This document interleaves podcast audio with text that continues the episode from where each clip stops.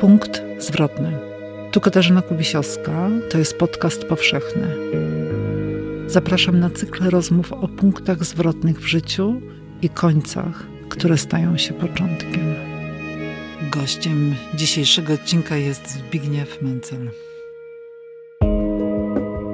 Kobieta, z którą ja chciałem się związać, i ta kobieta, o, o którą pytasz, to w moim przekonaniu musi, no, co musi, no, po, powinna mieć dla mnie pewien szczególnie cenny dar bogów.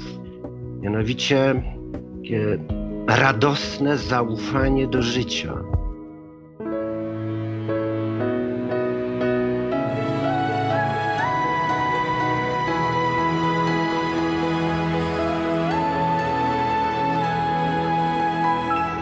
Podcast powszechny. Weź, słuchaj. Dzień dobry, Katarzyna Kubisiowska z Krakowa ze studia Tygodnika Powszechnego przy ulicy Wiśnej 12. Dzisiaj będę rozmawiać ze Zbigniewem Menclem. Dzień dobry, Zbyszku. Dzień dobry, Kasiu. Gdzie jesteś, Zbyszku? Jestem w Warszawie, na Żoliborzu, e, w swoim mieszkaniu na Placu Inwalidów. Mam przed sobą trójskrzydłowe okno, z którego mam piękny widok i czuję się, jakbym siedział na dziobie statku. Wszystko mam przed sobą. Hmm. Ja dzisiaj z Tobą chciałabym porozmawiać o punktach zwrotnych w Twoim życiu. Pierwsza myśl, którą masz, to jest jaka? No pierwsza myśl to jest taka, że mm, kiedy mowa o punktach zwrotnych, to przychodzą do głowy jakieś konkretne wydarzenia, które można umiejscowić w czasie i przestrzeni. Także komuś kiedyś rodzi się upragniony syn, komuś kiedyś umiera ukochana córka, to zmienia życie. E, ktoś kiedyś dostaje wymarzoną pracę, a ktoś traci wymarzoną pracę. Wybucha wojna, kończy się wojna. Ktoś wygrywa walkę o Mistrzostwo Świata, a ktoś ją przegrywa. No, to są właśnie takie wydarzenia konkretne, e, które łatwo uchwycić. Tymczasem ja, kiedy myślę o swoim życiu, to dostrzegam w nim kilka bardzo ważnych, takich zasadniczych zwrotów, po których życie się zmieniało, ale nie potrafię e, opisywać ich tak punktowo. Te zwroty, te przełomy, może nawet, wymagają zupełnie innego opisu. Jakiego? I no, żeby wytłumaczyć, co mam na myśli, spróbuję powiedzieć o takim zwrocie, o takim przełomie, który w sobie samym odnotowuję, który był kluczowy i niejako nadrzędny wobec wszystkiego, co było potem. Otóż jeden z najbliższych mi na świecie pisarzy, Izaak Babel, pisał kiedyś opowiadanie o dzieciństwie. W tym opowiadaniu bohater, narrator bardzo się wstydzi swojego życia, swojego domu, swoich rodziców, zwariowanego dziadka, dziwaka. Z jednej strony czuje, że to jest ciekawa rodzina, z drugiej jak powiadam, wstydzi się jej, bo wydaje mu się, że zostanie przez kolegów, przez obcych ludzi wyśmiany. I Babel powiada, no, bo kiedy miałem 10 lat, kompletnie nie wiedziałem, co zrobić z prawdą na tym świecie. I to opowiadanie szalenie mnie poruszyło. Właśnie dlatego, że ja też nie wiedziałem, co zrobić z prawdą na tym świecie, ale nie wiedziałem tego nie tylko mając 10 lat, ale mając 20 lat i jeszcze więcej. Nie wiedziałem, co zrobić z prawdą na tym świecie. A żeby wiedzieć, co zrobić z prawdą na tym świecie, no to trzeba przede wszystkim prawdę o swoim życiu przyjąć do wiadomości. Nawet wtedy, kiedy ona jest zła, to trzeba wiedzieć, że tego zła nie przezwycięży się dopóty, dopóki się go za prawdę nie uzna. I to jest to przyjęcie do wiadomości, uznanie tego, zobaczenie, że, że są ciemne no, strony? Wiesz, y, y, y, no, no, tak, bo tylko widzisz, no chcę powiedzieć, że tu dotykamy szerszego problemu, e, doty, dotykającego ludzi żyjących w Europie Środkowo-Wschodniej, całej po wojnie, w krajach e, opanowanych przez mm, komunizm. E, I ja to oczywiście obserwuję i myślę o tym e, poprzez losy moich rodziców i najbliższych, ale wiem, że to dotyczy e, bardzo, bardzo wielu ludzi, że mianowicie w ich biografiach wszystko potoczyło się nie tak, nie tak, jak być miało, jak być powinno, ale oni niejako nie mogli się z tym pogodzić, nie chcieli tego przyjąć do wiadomości, chcieli to wyprzeć ze świadomości. I udawali właściwie kogoś innego, kogoś, e, kim nie byli. Czy ty w tej chwili mówisz poniekąd o swoim ojcu, Rudolfie, czyli e, przed wojną wojskowym, a później wojskowym, który nie chciał być wojskowym e, w ludowym polskim po, e, w PRL-u? Tak, myślę o swoim ojcu, a jeszcze może bardziej o matce, która chciała być poetką, pianistką.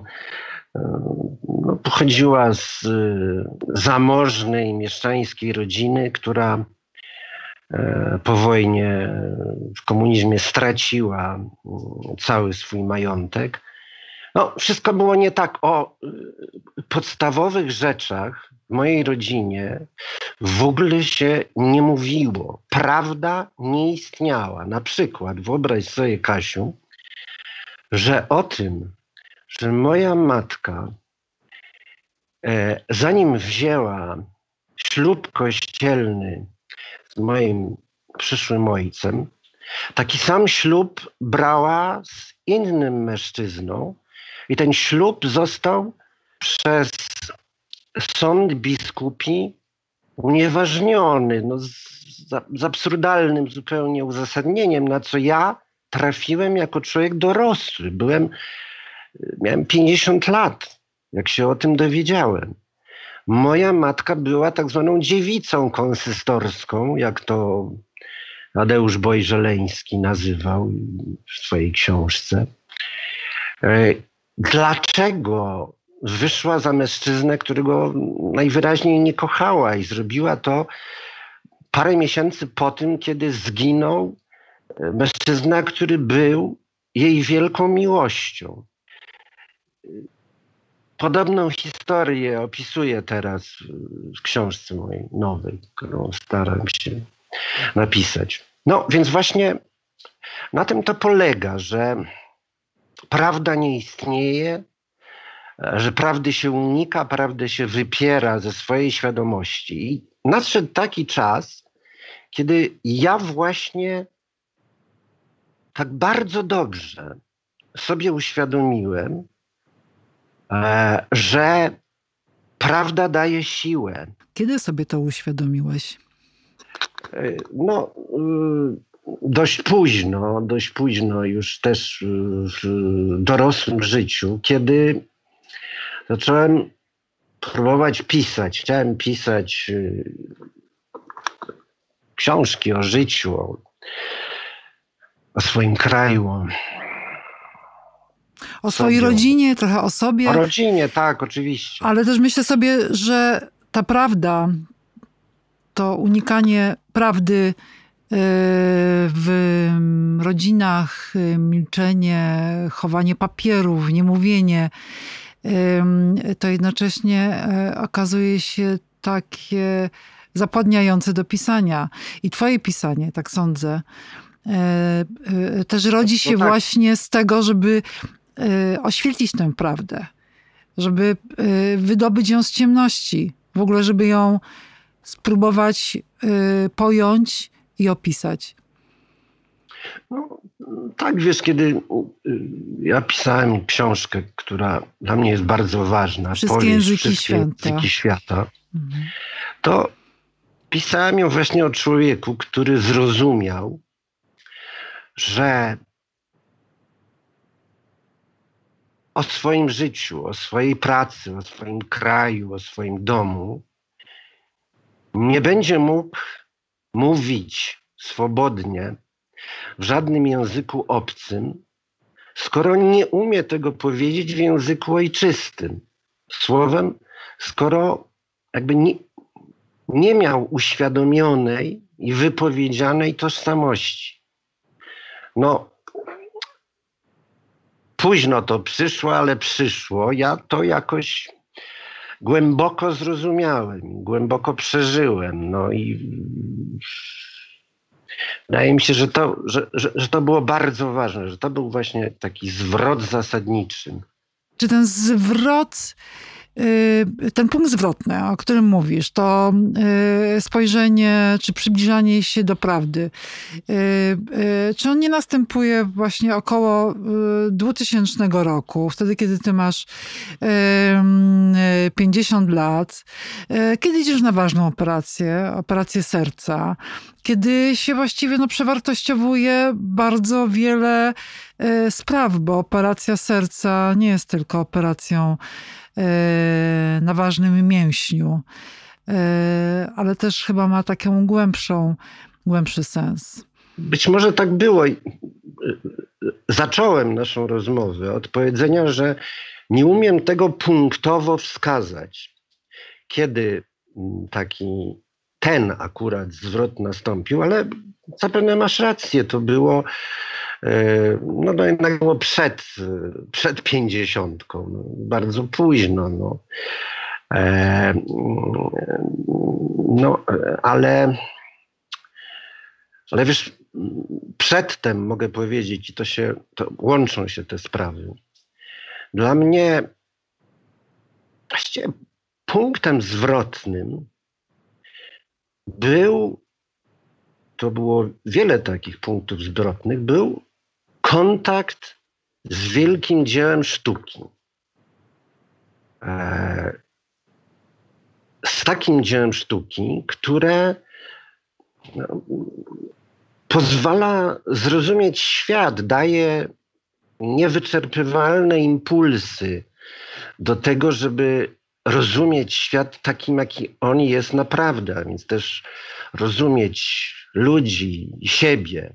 No, Czytałem niedawno Twój wywiad z Chrisem Nidentalem, e, który jest zilustrowany wspaniałym, artystycznym zdjęciem, które przedstawia na rynku w Wadowicach, rodzinnym mieście e, papieża, rozmodloną kobietę, która modli się w intencji papieża po zamachu na niego, ale tak samo mogła się modlić na tym samym rynku, przed tym samym kościołem, kiedy biły dzwony obwieszczające, że oto jej rodak, jej krajan, jej może sąsiad został papieżem, został namiestnikiem Chrystusa na ziemi. Ta kobieta sterana życiem, y, modli się i w złożonych do modlitwy rękach ściska kurczowo coś, co nie jest różańcem, tylko ściska sznurek, na którym nanizanych jest kilkanaście rolek papieru toaletowego. Dla mnie to zdjęcie jest zupełnie wstrząsające, jest dziełem sztuki. E, I tu następuje taki skrót niesamowity, e, których ja poszukuję, które właśnie, jeśli je znajdę, to one są istotnym punktem zwrotnym w moim życiu. Taki skrót, kiedy z jednej strony pokazujący los, z jednej strony jest to życie takie, jakie jest w, w komunizmie, z tym upiornym PRL-owskim różańcem, czy naszyjnikiem z papieru toaletowego. Wystanym w długiej kolejce. No, oczywiście. I też no, cudem, bo rzucili i stał się cud. I to jest ten cud na miarę życia codziennego. A tu jest cud, że Duch Święty ma stąpić na ziemię i odnowić ją. Więc, jak powiadam, każdy kontakt z e, takim dziełem sztuki, dla mnie to był głównie kontakt z teatrem, kantora, Swinarskiego, to, to były takie punkty zwrotne, po których ja czułem, że już jestem innym człowiekiem niż byłem, zanim się zetknąłem i z tym dziełem sztuki przeżyłem je bardzo mocno. A kontakt z dziełem sztuki pisarskim, y, wspomniałeś Izaaka Babla. Y, a ktoś jeszcze? Tak. Ktoś jeszcze, kto tak no. właśnie cię głęboko poruszył. Na miarę Kantora i, i Swinarskiego. Dużo było książek, które mnie bardzo poruszyły. Na przykład nie wiem, książka Faulknera Kiedy umieram. Czy to może będzie najmniej oryginalna odpowiedź, ale jednak mistrz Małgorzata e, Buchakowa. Mm, było sporo takich książek, ale e, trochę teraz mm, niepokoi mnie e, rozwój naszej rozmowy, bo nie chciałbym, żeby no, z mojej winy jakoś zwekslowaliśmy na sztukę, na literaturę, na teatr, podczas gdy jednak rozumiem, że ważne są, ważne jest życie. I tu, jeśli pozwolisz, to mogę powiedzieć o, o szalenie ważnym punkcie zwrotnym w moim życiu był fakt, że mm, spotkałem kobietę, była w moim życiu kobieta, znalazła się, czy też ja się znalazłem w jej życiu, może lepiej tak powiedzieć. E, z którą ja się po prostu chciałem ożenić i stworzyć dom. To wydaje się najbardziej oczywista i banalna sprawa. Ale uwierz mi, że dla e, człowieka takiego jak ja, który miał 47 lat, dużo różnych przelotnych związków z kobietami, e, było nie, nie do pomyślenia dla mnie wcześniej, żebym z którąkolwiek z nich chciał związać się do końca życia. E, czyli wypowiedzieć tę przysięgę, że nie opuszczę ci nigdy, aż do śmierci. Że będziemy tworzyć dom, będziemy razem mieszkać. I jeszcze była taka historia. Ja byłem przyzwyczajony do życia e, samotnego, nie w sensie braku kontaktu, jak powiadam, także z kobietami, ale do codziennego życia e, samotnego. I tutaj poznaję kobietę, która mm, ma jeszcze syna z pierwszego małżeństwa, który jest doj, dojrzewającym już chłopakiem, ma 17 lat. No to rzut na głęboką wodę.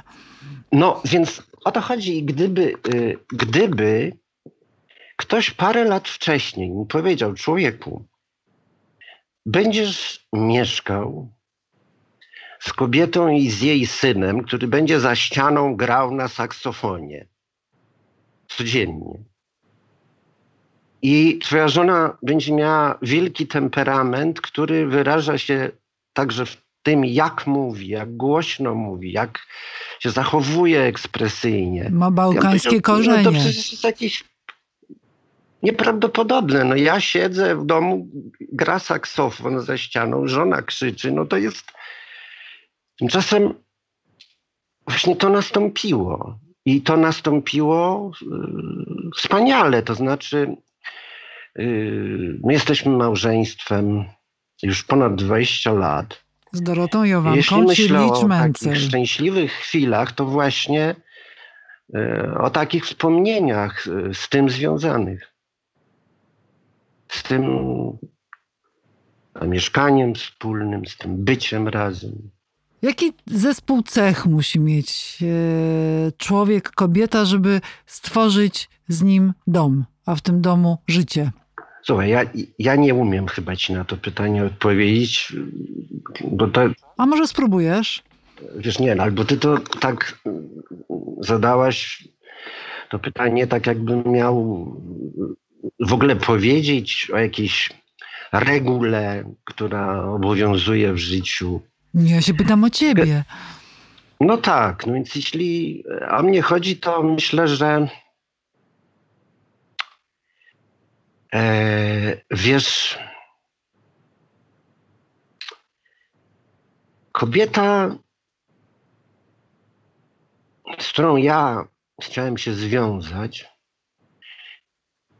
i ta kobieta, o, o którą pytasz, to w moim przekonaniu musi, no, co musi, no, po, powinna mieć dla mnie jeden szczególnie cenny dar bogów. Mianowicie takie radosne zaufanie do życia. Radosne zaufanie do życia, które nie oznacza tego, że się nie widzi morza cierpienia w tym życiu, że nie poczuło się dotknięcia upokorzeniem.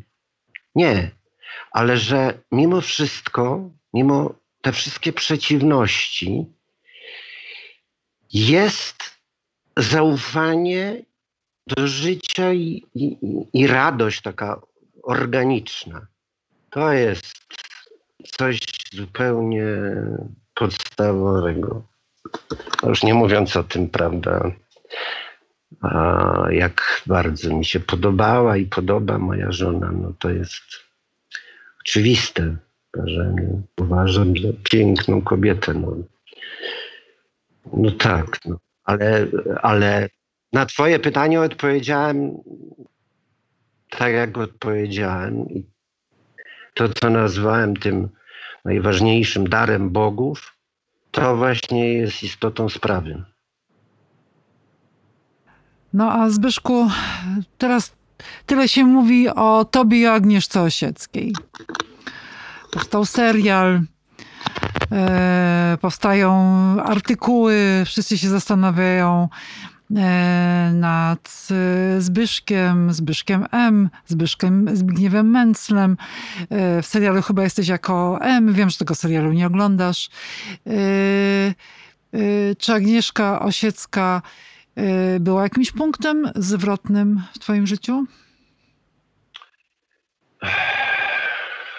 Słuchaj, zacznę od tego, że wydaje mi się, że nikt albo prawie nikt nie zastanawia się, jak powiedziałaś, na czym ten związek polegał, tylko mm, ludzie mają, to są na ogół niestety mm, no, grafomani, mówiąc ogólnie, mają po prostu wyrobiony pogląd, z, z, z, zlepek stereotypów i jakakolwiek byłaby prawda, to to jest nieważne. Ta siła stereotypu jest e, silniejsza.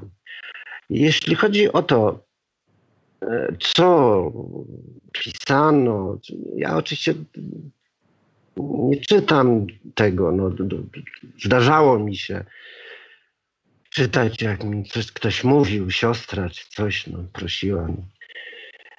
no to dla mnie to jest stek bredni i przede wszystkim e, właśnie, nawiązując do początku naszej rozmowy, no tam nie ma właściwie zdania prawdy. E, wszystko jest nieprawdziwe, ale e, mogę ci no, podać jeden przykład. No, jak ja poznałem Agnieszkę? Jeśli mogę, jeśli to Cię interesuje. Bardzo mnie to interesuje. Wiem, że to było w polityce, w której pracowałeś. No właśnie. No to, to jest oczywiście bzdura. Hmm. Było, a najmłodszy redaktor polityki, tutaj kobieta związana z bardzo znanym redaktorem polityki. Poznali się na zjeździe takim towarzyskim w leśniczówce Mieczysława Rakowskiego. No, tam to był. To wszystko jest bzdura. Otóż Agnieszkę poznałem całkiem inaczej. No, y, ja swego czasu kolegowałem się, a może nawet przyjaźniłem się ze znanym pisarzem Markiem Nowakowskim. Y, I był taki dzień, pamiętam, w hotelu europejskim, tam przy barku, gdzie różni ludzie z tak zwanego środowiska pili wódkę. I tam Marek mnie zawołał. Siedział, rozmawiał z jakąś kobietą, właśnie z Agnieszką. A Marek, trzeba to powiedzieć, no, powódca był bardzo nieprzyjemny, bo miał takie bolesne, co tu dużo gadać, chamskie prowokacje potrafił robić. I Agnieszka miała na palcu e, pierścionek, srebrny, piękny, srebrny pierścionek, który chyba był kiedyś pierścionkiem zaręczynowym. Nie wiem, czy od Wajdy go dostała, czy innego znanego człowieka. E, ale choć zaręczyny zostały zerwane, to ten pierścionek nosiła, była z nim jakoś oswojona. No i Marek Nowakowski w tym swoim stylu mówi, a ty obłudna mieszczko, pokaż mi ten pierścionek. No. Ona bez słowa zdjęła z palca ten pierścionek i mu dała.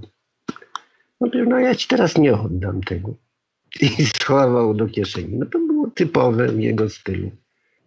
No I ona, no, idę, dziękuję. No i ja go zacząłem prosić, słuchaj, Marek, no oddaj ten pierścionek, no ja jej zawiozę, to oddam. No to oddał po jakimś czasie. Ja pojechałem do domu do Agnieszki i to był właściwy początek znajomości. Proszę cię, Kasiu, zauważ, jaka tu jest piętrowa, zła symbolika. Otóż ja jadę do kobiety, dać jej zaręczynowy pierścionek. Ale to nie jest pierścionek ode mnie, to jest pierścionek jej, która ona dostała od innego mężczyzny, a jeszcze inny mężczyzna jej go odebrał. Więc e, znajomość, począ taki początek znajomości raczej źle jej wróżył. E, raczej był, wróżył manipulację, coś nieczystego, coś niedobrego. I um, o całej tej historii naprzeciw mm, temu, co, jak mówisz, tam piszą czy, czy, czy, czy pokazują w serialu, to o każdym wycinku tej rzeczywistości wspólnej mógłbym powiedzieć, że on wyglądał zupełnie inaczej niż to jest pokazane, że to wszystko jest nieprawda. No. Dzisiaj myślę, że Widzisz, no, Boże, Agnieszka była nieszczęśliwą kobietą, ale mm, będąc szalenie inteligentną i zdolną osobą, zauważ, to, co ona pisała, no, piosenki to jest oddzielna sprawa, to, co ona pisała, wiersze, prozę, no, słynną białą bluzkę czy coś, to nie miało żadnych szans na świecie zaistnieć. Nikt tego nie chciał tłumaczyć. To, była, to był balans między Rosją, Związkiem Radzieckim, a Bułgarią. To były te loty. Dlaczego? A, no widzisz, to jest pytanie. Dlatego, że moim zdaniem to nie było szczere, że to było pozornie szczere, że nie dotykało prawdy i nie czerpało siły z tej prawdy. Znów się pojawia ta prawda. Proszę? Znów się pojawia, no pojawia prawda. Się, pojawia się, to ważne. Wiesz, słuchaj, yy, mówi się, że rozumiem, a no, Zbigniew Mencel, jak się znajdował, wiesz, w takim środowisku, no, to zawsze gdzieś był. Wycofywał się na ubocze, no. Dlaczego? No dlatego, że no, pewnie nie chciał być na drugim planie, no. Ale jednak był, no bo jak mnie prosiła, to chodziłem tu i tam. E, ale wiesz, to była sprawa tej tak zwanej środowiskowości, pewnego kręgu towarzyskiego, wszystkich tych przyjaciółek, znajomych, tych, sama Agnieszka wszak tak to nazywała, te Madonny RWPG, no. I to było środowisko takiej kultury masowej, które dla mnie było nie do, ja, ja po prostu się strasznie czułem w tym. E, ponieważ, tak jak powiedziałem, dla mnie wielką, wielkim znaczeniem był kontakt z, z dziełami prawdziwej sztuki, a to był erzac.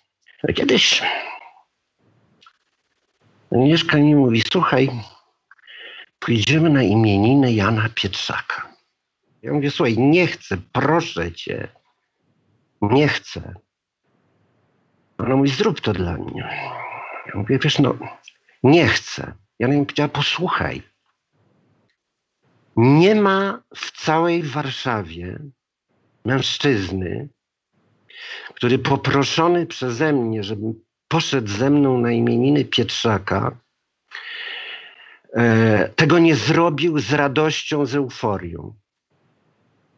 A ja jej powiedziałem, słuchaj, już w gniewie wielkim, a ja bym ci dopłacił za to, żebym nie, nie musiał tam iść. No tak to wyglądało. No.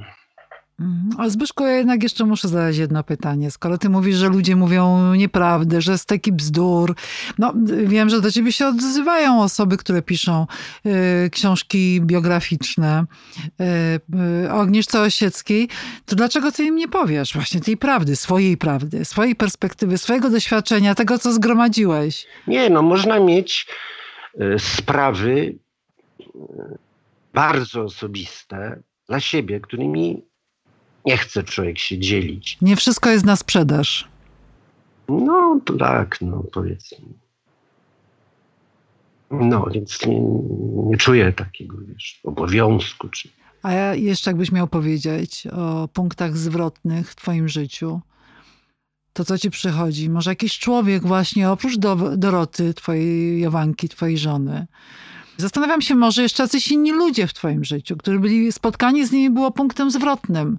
Spotykamy takich ludzi czasami, którzy, wcale ich nie jest dużo. Można ich policzyć na palcach jednej ręki, a być może nawet na połowie palców jednej ręki. No tak, tak. No, słuchaj, y, Wiesz, dla mnie no, to banalne jest w związku z tym, czym się zajmowałem ostatnio. No, Leszek Kołakowski był taką postacią, ale też był taką ważną postacią, która wywołała e, we mnie taki, taki zwrot na długo, zanim go poznałem. Chodziło o, i to było bardzo ważne właśnie, chodziło o to, że jaki jest to mówię o latach prehistorycznych, o latach 70., o latach głębokiej komuny, przed stanem wojennym jeszcze.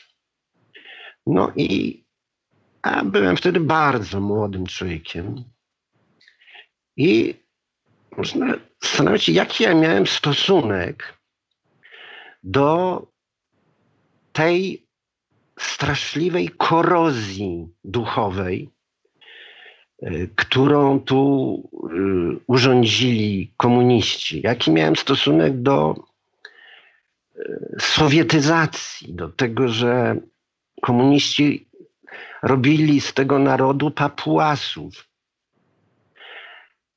I to było szalenie ważne, że zarówno ja, jak wielu moich rówieśników uważało, że my jesteśmy inteligentni i mamy zdolność piekielnej ironii. I to nas broni, bo my śmiejemy się z tego. My drwiną to pokonujemy. To wszystko, o, bohater jednej z książek Ireusza Iredyńskiego powtarza bez przerwy grotecha, bracie, grotecha już nie groteska, ale grotecha, kiedy patrzyło się na, wiesz, tych rządzących nami ludźmi, ludzi, kiedy to się widziało wszystko, ten absurd, tę fasadowość, te, te, bzdury, ironia. I wyobraź sobie, yy, ja, to było już w drugiej połowie lat 70., wpadł mi w ręce, oczywiście nielegalnie krążący po Polsce. Tekst Leszka Kołakowskiego mm, Sprawa Polska. Tam jest powiedziane, że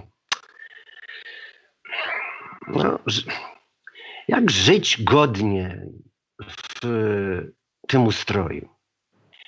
I że, powiadał Kołakowski, można żyć niegodnie, można być żyć bez godności, choć nie straciło się inteligencji, a wraz z inteligencją zdolności do ironii.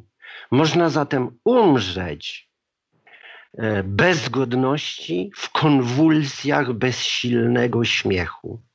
Mnie to zrobiło wielkie wrażenie, właśnie taki kolejny punkt zwrotny, kiedy e, zacząłem sobie uświadamiać, że e, siła ironii, siła drwiny jest ograniczona, że to jest za mało. To jeszcze jeden taki taka historia, którą ci opowiedziałem. Mm, a ja mam na koniec, wiesz, takie e, pytanie połączone z refleksją.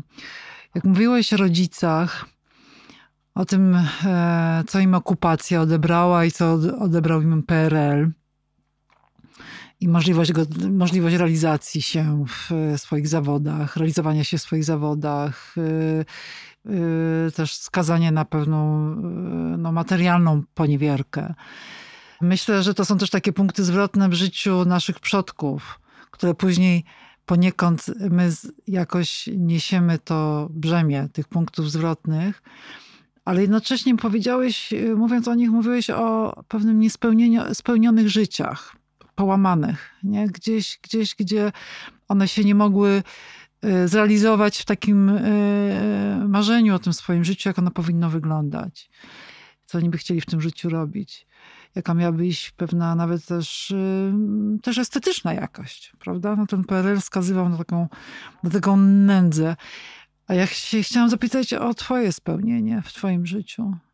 Czuję się człowiekiem przede wszystkim, wiesz, śmiesznie to zabrzmi, opóźnionym w rozwoju, spóźnionym w rozwoju. To znaczy człowiekiem, który, któremu to wszystko ważne, o czym starałem się mówić, takie uświadomienie sobie rzeczy być może oczywistych, no, przychodziło późno, bardzo późno. A mm, to, co jest po stronie spełnienia, to, to jest to, że e, ciągle mi się wydaje, że mam jakąś siłę w sobie i, i wolę, żeby. To oczywiście jest pewnie utopijną mrzonką, no, ale żeby, że uda mi się jakoś nadrobić ten czas, że po prostu uda mi się jeszcze e, napisać coś, zrobić coś, co, mm, co będzie ważne, no, co będzie ważne, o czym no, no, napisałem parę tekstów, które uważam za ważne. Dały mi poczucie nie, nie to, że spełnienia, ale tak, no, że coś zrobiłem dobrze. No. To spełnienie może nastąpić wtedy, kiedy czas stracony zostanie nadrobiony. E, jego coraz mniej zostaje, ale no, ufam, że nie powiedziałem ostatniego słowa.